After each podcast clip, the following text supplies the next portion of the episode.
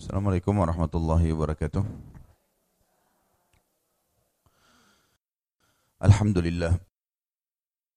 Wassalatu wassalamu ala rasulillah Segala puji bagi Allah subhanahu wa ta'ala Juga salawat dan taslim kepada Nabi besar Muhammad Sallallahu ala alihi wa sahbihi wasallam Sebelum kita mulai melanjutkan pelajaran kita Saudara seiman Saya kembali uh, mendiskusikan tentang buku ini kepada salah satu sahabat saya di kota Madinah uh, Dr. Muhammad Rahili Hafizahullah Uh, kemudian saya coba mengecek uh, dan akhirnya beliau setelah diskusikan cukup beberapa waktu gitu mengirimkan kepada saya ada PDF uh, buku ini ditahkik.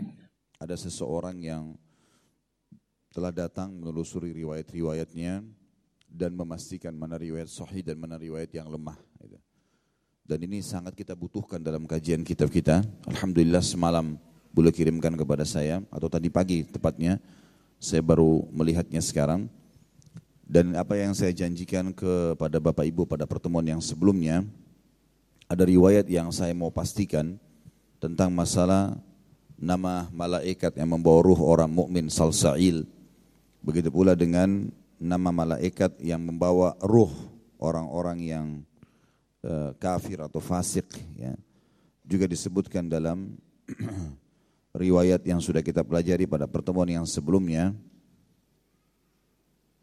Itu kata muhakkik orang ini mengatakan sesungguhnya nama-nama malaikat ini diambil dari Israiliyat. Dan apa yang dinukil dari Abu Hamid berhubungan dengan beberapa riwayat yang disebutkan nama malaikat tersebut tidak tersebutkan dalam buku-buku sunnah yang telah tersusun dalam bentuk buku baik itu yang sahih ataupun yang daif.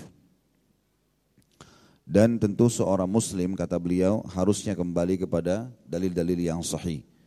Maka dengan penjelasan